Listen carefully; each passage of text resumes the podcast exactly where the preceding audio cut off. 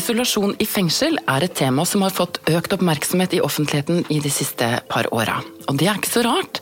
Det er et av de aller mest inngripende maktmidlene en demokratisk stat har til rådighet overfor borgerne sine. Men hva skjer egentlig når et menneske settes i isolasjon? Hva er problemet med denne praksisen, og hvorfor brukes isolasjon så ofte i skandinaviske fengsler, selv om vi stadig får internasjonal kritikk for det? Velkommen til Akademisk kvarter, en podkast fra Cappelen Dam Akademisk. Hei, Peter. Hei, Marte. Hvem er du, og hva er det du gjør her i dag? Mitt navn er Peter Scharf-Smith. Jeg er professor i rettssosiologi ved Universitetet i Oslo, Institutt for kriminologi og rettssosiologi. Og jeg er her i dag fordi jeg har forsket øh, på isolasjon i fengsel i 20 år. Deg, Marte, hvorfor er du her? Ja, jeg heter Marte Rua, og jeg er stipendiat. Det betyr at jeg tar en doktorgrad eh, på det samme instituttet, på Universitetet i Oslo, og jeg undersøker bruken av isolasjon i norske fengsler. Og vi er jo her i dag, Peter, fordi vi har redigert en bok der forskere, praktikere og personer med egne erfaringer skriver om isolasjon i de skandinaviske landene. Ja. Marte, øh, du må begynne med å fortelle oss hva er isolasjon egentlig? Mm. Det å bli satt i fengsel betyr jo at man blir isolert fra samfunnet i seg selv. Ehm, man får ikke tatt del i det, eh, sånn som alle andre, og man er ikke i kontakt med familie og venner og sånn. Men isolasjon i den forstand vi snakker om her, ehm, det blir definert som eh, den praksisen hvor man låser eh, et menneske inn på cella alene i 22 timer eller mer i døgnet og hvor man er frarøvet eh, sosial meningsfull kontakt med andre. Mm. Og Isolasjon i de skandinaviske landene det foregår på flere måter. Mm. Det ene er isolasjon i politiarresten. Og så er det isolasjon i varetekt, altså mens man venter på en dom. Og det er bestemt av retten eh, og brukes for at personen ikke skal ødelegge etterforskningen, eh, blant annet. Det er begrunnelsen for den typen. Men så har vi det som er isolasjon som er bestemt av fengselet. Og da er det enten isolasjon på sikkerhetscelle, som er en slags glattcelle i fengsler. En veldig ekstrem isolasjonsform. Som brukes eh, helst kortvarig, og som er regna for å være sånn, eh, veldig inngripende. Men så har man også isolasjon på egen celle, dvs. Si at man utelukkes fra fellesskap med andre medfanger. Eh, og det er ofte noe som brukes for å holde ro og orden og sikkerhet i fengslene. Men så har vi en type til som har eh, fått mer oppmerksomhet, i hvert fall i Norge de siste året kanskje. Og det er isolasjon som ikke er bestemt av noen. Altså faktisk isolasjon som kommer av mer som praktiske grunner, mangel på bemanning, eller at bare avdelingene er bygget som de har gjort. Men uansett, eh, disse ulike formene for isolasjon de har noen helt sånn generelle virkninger eh, på mennesker. Eh, og For å forklare hva de går ut på, så pleier du ofte å snakke om hester, Peter. Hvorfor det? Ja, det er korrekt. Det har jeg gjort. Som du sier, er det utrolig mange former for isolasjon. Men grunnleggende har de jo den samme definisjon. Du sitter 22 timer eller mer alene på cellen. Og hvorfor snakker jeg om hester? Jo, jeg har forsket på dette i 20 år, og for en del år siden gikk det opp for meg at man rundt omkring i verden har regler for at man ikke har lov å ha dyr i isolasjon. Et eksempel jeg ofte anvender, handler om heste i Sverige. Der er det sånn, og sikkert mange andre steder også, at der er tydelige regler for at en hest kan du ikke sette i isolasjon. Skal, du kan ikke ha en hest som bare går selv. Den skal ha kontakt med andre heste eller andre store sosiale dyr. Den skal stå i en stallboks hvor den kan se andre heste osv. Den slags regler har du på mange områder. Hvorfor? Fordi hesten er et sosialt dyr. Den klarer seg ikke uten den form for kontakt. Og det er jo øh, temmelig tankevekkende, kan man si, at vi har den slags regler når det gjelder dyr. Vi har dem dessverre ikke når det gjelder mennesker. Mm. Da handler jo isolasjon om ikke nødvendigvis at man sitter på ulike celler og sånne ting som jeg forklarte i stad, mm. men det som er felles for alle disse typene, er jo at man ikke har sosial kontakt med andre mennesker. Og hva slags reaksjoner får folk på, på å være i en sånn situasjon? Ja, presis. Og det er jo i en institusjon, et fengsel, hvor det i forveien kan være begrenset stimuli, begrænset kontakt. Og det bliver så en ekstrem situation her, et fængsel i fængslet, kan man sige, som øh, vores bog hedder.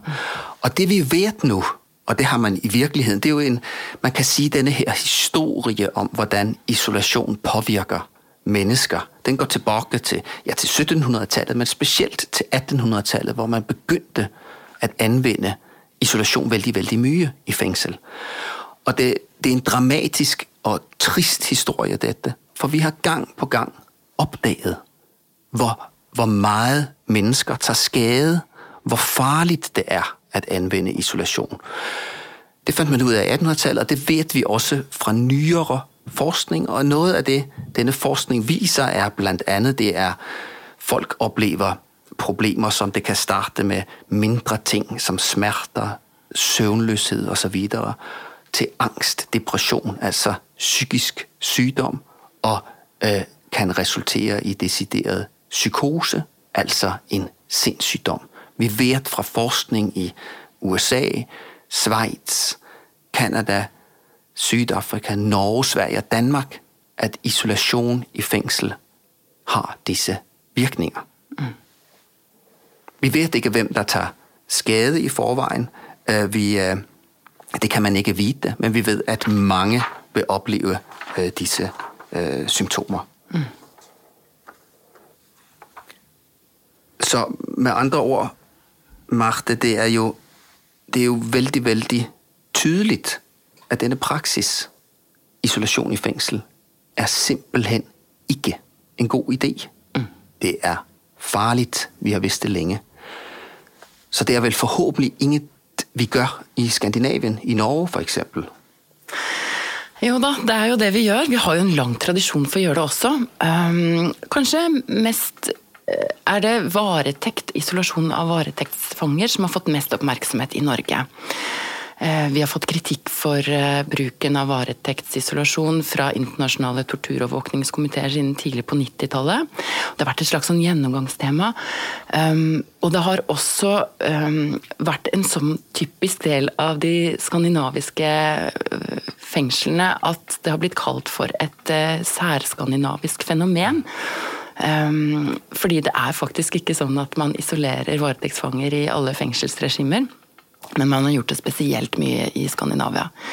Men man bruker også isolasjon eh, av domfelte. Eh, problemet er bare at det er veldig vanskelig å tallfeste bruken. Vi vet faktisk ikke hvor mange mennesker som isoleres i skandinaviske fengsler, for det fins ikke skikkelig statistikk på det.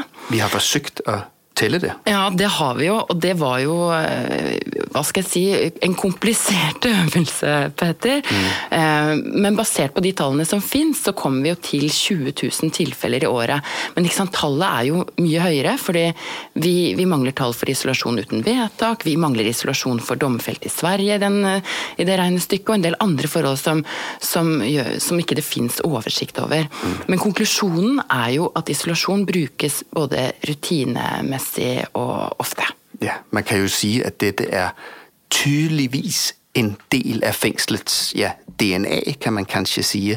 Det er jo helt, som du sier, rutinemessig hvis det er over 20 000 tilfeller. Hva sier de menneskerettslige standarder om dette? Ja, nei, De sier jo at isolasjon kun skal brukes i helt eksepsjonelle tilfeller. sånn at med så stort antall så må man kunne si at, eh, at vi, her vi er eh, Ganske langt fra det. Ja, vi er jo det, altså. Vi er det. Og hva er det så øh, Hvordan ser realiteten ut i Norge? I Norge er det sånn at liksom på en helt vanlig dag i Norge så sitter det 3400 personer i norske fengsler, og omtrent 200 av dem er isolert. Um, langvarig isolasjon, altså det som er mer enn to uker, eh, det skjer sjeldnere enn det gjorde tidligere, men det skjer selv om FN sier at det skal være forbudt.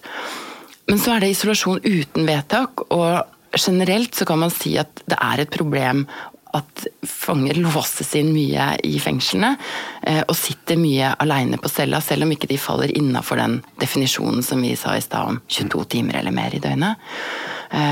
Eh, 800 fanger hadde mindre enn åtte timer daglig Altså åtte timer ute av cella hver dag. Um, da vi på de siste tallene. Og selv om det er et krav i internasjonale avtaler at de skal være ute. Så um, her er, det, her er det noen Det er liksom et kontinuum, da. Eh, hvor tid alene på cella, det vet jo alle at det ikke er bra. Um, og så er det denne med isolasjon i varetekt. Det blir mindre brukt i Norge enn det gjorde før, men det er likevel sånn rundt 370 tilfeller av det i året, og tre fjerder av dem sitter isolert over denne maksgrensa til FN mm. på, på, to uker. Men i, i, Danmark og Sverige så er dette litt uh, annerledes. Kan ikke du si litt om hvordan det er der, Peter?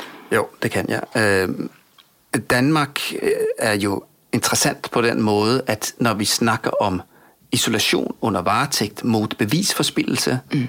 så er det jo næsten væk mm. i Danmark. Der har været en reformproces, som har gået over øh, en vældig lang periode, over 30 år. Og nu er det altså mindre end 1% af alle varetægtsfængslede, som bliver underlagt denne form for isolation. Men realiteten er jo, at der er stadigvæk utrolig mye isolasjon i danske fengsler, og kanskje netop nå mer enn ja, kanskje ikke noensinne, men mer enn i veldig lang tid. Men hvor, det, hvor kommer det fra? Ja, det kommer, øh, det handler særlig om det, man kalder strafcelle i Danmark. Det finnes ikke på samme måte i Norge, at du anvender straff som øh, isolasjon som en disiplinær straf. Og denne form for isolasjon er nærmest eksploderet det er politisk bestemt, at man går inn med tough on crime-politikk og sier vi straffer, og det det er en absurd situation for å si det lige ut. Vi har kjempet i årevis mot denne praksis. Vi vet hvor farlig isolasjon er. Og nå, pludselig i løbet av få år, anvender man strafcelle tusindvis av gange øh, hvert år. Omkring 5.000 gange i øjeblikket om året. Helt absurd. Mm. Det er det største problem netop nu i Danmark. Mm. I Sverige, Sverige er også en veldig interessant case på en, på en anden måte. Der ser vi, hvis vi ser på det her øh, isolation under varetægt mot bevisforspillelse, så er Sverige jo helt klart det land, der har gjort mindst med denne problematik. I praksis har de faktisk stort set intet gjort. Mm. Det er omkring to tredjedele Næsten 70 procent av alle øh, varetektsfengslede i hekte, som det heter i Sverige, blir øh, placeret i isolasjon. Men også barn i Sverige? Også barn i Sverige. Øh, hvert år er der et antall barn, som øh, havner i hekte i varetægt. Øh, og øh, de blir placeret i isolasjon. langt flertallet av dem. Øh, ganske øh, forbløffende. Så, øh, øh, så vi blir jo nødt til, Marte, at, at oss os selv, hvis dette er så farligt, og hvis vi har fått kritikk vi har jo fått masser av internasjonal kritikk på dette området igjen og igjen. Hvorfor holder vi ikke opp? Jeg tror det er veldig sammensatt eh, hvorfor ikke vi holder opp med det. I Sverige er jo er jo disse internasjonale kritiske organene helt oppgitt, fordi der skjer det jo ingenting. Mens i Norge og Sverige har det jo vært en utvikling eh, over tid. Men jeg tror at det er en kombinasjon av historiske forhold, sånn som du nevnte. ikke sant? Man har bygget fengsler i den tro at isolasjon skal forbedre fangene, eller at man tror at noen av dem ikke trenger fellesskap. Eh, og disse byggene er jo fortsatt i bruk. Og så handler det om holdninger og, og, mangel på kunnskap, som har vært mye før. Nå kan man nok ikke lenger si at man ikke veit hva man gjør. Eh, og så er det noe med at lovverket de forskjellige landene gir veldig vide fullmakter til å isolere. Så det er mulig. Det er et tiltak de kan bruke. Mm. Og så har det vært mangel på åpenhet, og da blir det også en dårlig kontroll med hvordan disse regimene blir brukt. Eh, og derfor også lite debatt om bruken. Og så er det jo litt sånn til slutt, sånn som du snakker om i Danmark. altså det er jo politikk, Der er det ekstremt, for der har politikerne ønska å bruke mer isolasjon helt bevisst. Mm.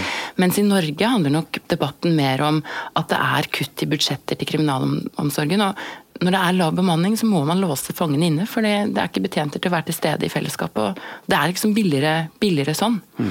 Så, men jeg, vi ser jo det at på de områdene og i de landene hvor det blir diskusjon og mye kritisk debatt rundt bruken, så går også bruken ned. Da. Og det er vel kanskje noe av det vi har tenkt at denne boka skal bidra med, er jo at når man belyser et fenomen kritisk, så, så er sjansen større for at man får skapt forandringer. Presis, Marte. Og det er som du sier, det er jo derfor vi har lavet denne her bok.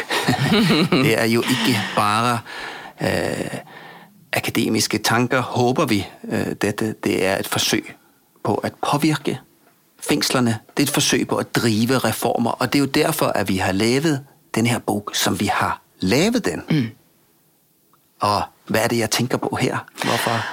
Nei, det er jo ikke sant? Nå er vi jo til podkasten til Cappelen Dam Akademisk. Øh, vi jobber jo på Universitetet i Oslo, men til denne boka så har vi invitert folk eh, fordi de har eh, ulike erfaringer, eh, og fordi de har, er flinke til å formidle, men også fordi de er forskere på området. Sånn at det er veldig mange ulike stemmer, da. Mm. Vi prøver nå her gjennom den boka å belyse bruken av isolasjon i fengsler og arrester på forskjellige måter. altså Både gjennom forskning og gjennom praksiserfaringer og personlige opplevelser. Og akkurat det med personlige erfaringer, enten at man har jobba med isolerte, eller vært isolert selv, eller vært pårørende til isolerte.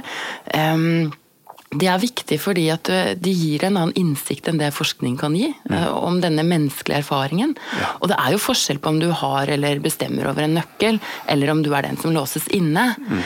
Men det er faktisk mulig og ikke minst viktig da, å beskrive isolasjon fra disse ulike ståstedene. og Det er jo bl.a. det vi har ønsket å gjøre med den boka, og det som jeg personlig er veldig fornøyd med at vi har fått fått til, da, synes jeg. Ja, og det er jo derfor vi har innsatte der forteller om hvordan de opplever isolasjon. Vi har fengselsbetjente der forteller om hvordan det er å arbeide i et fengsel øh, med folk der sitter i isolasjon. Vi har øh, et kapittel om hvordan det oppleves av de pårørende. En psykolog der har arbeidet i hekte, som det heter, varetekt i Sverige osv. Vi har disse forskjellige perspektiver. Og den måten det startet på, for det her er jo ikke bare et hvad skal man sige, møte på skrift. Det startede jo med en konference. Vi satte disse folk sammen, og vi har jo arbejdet sammen med flere af disse mennesker fra altså indsatte, folk der arbejder i fængsel og så. Øh, og det er jo en del af øh, ideen med dette, at, at skabe et møde og på den måde lave reformer, har vi faktisk erfaringer med, at det kan øh, sætte det kan ændre virkeligheden i fængslerne, hvis man gør det på den måde. For noget af det, vi finder ud af, som vi også ser i denne bog, det er jo, at disse mennesker, selvom de kommer, som du siger, fra så forskellige steder, har forskellige ståsteder, så er de jo ganske enige om vældig mye, mm. når dialogen bliver kundskabsbaseret, kan man sige, når, når man øh, øh, øh baserer det på fakta og viden. Mm. Så nå håper vi, at, øh, at der vil ske noe. og det gør det jo også i øjeblikket øh, i, Norge. Der skjer jo veldig mye på det området, så vi håper, at denne bok kan være med til å drive det fremad. Og da tror jeg man må bare rett og slett gå til den selv. Uh, dere har nå hørt en episode av Akademisk kvarter, en podkast av Cappelen Dam Akademisk. Boka 'Isolasjon et fengsel i fengselet' kan kjøpes på nett og i butikk.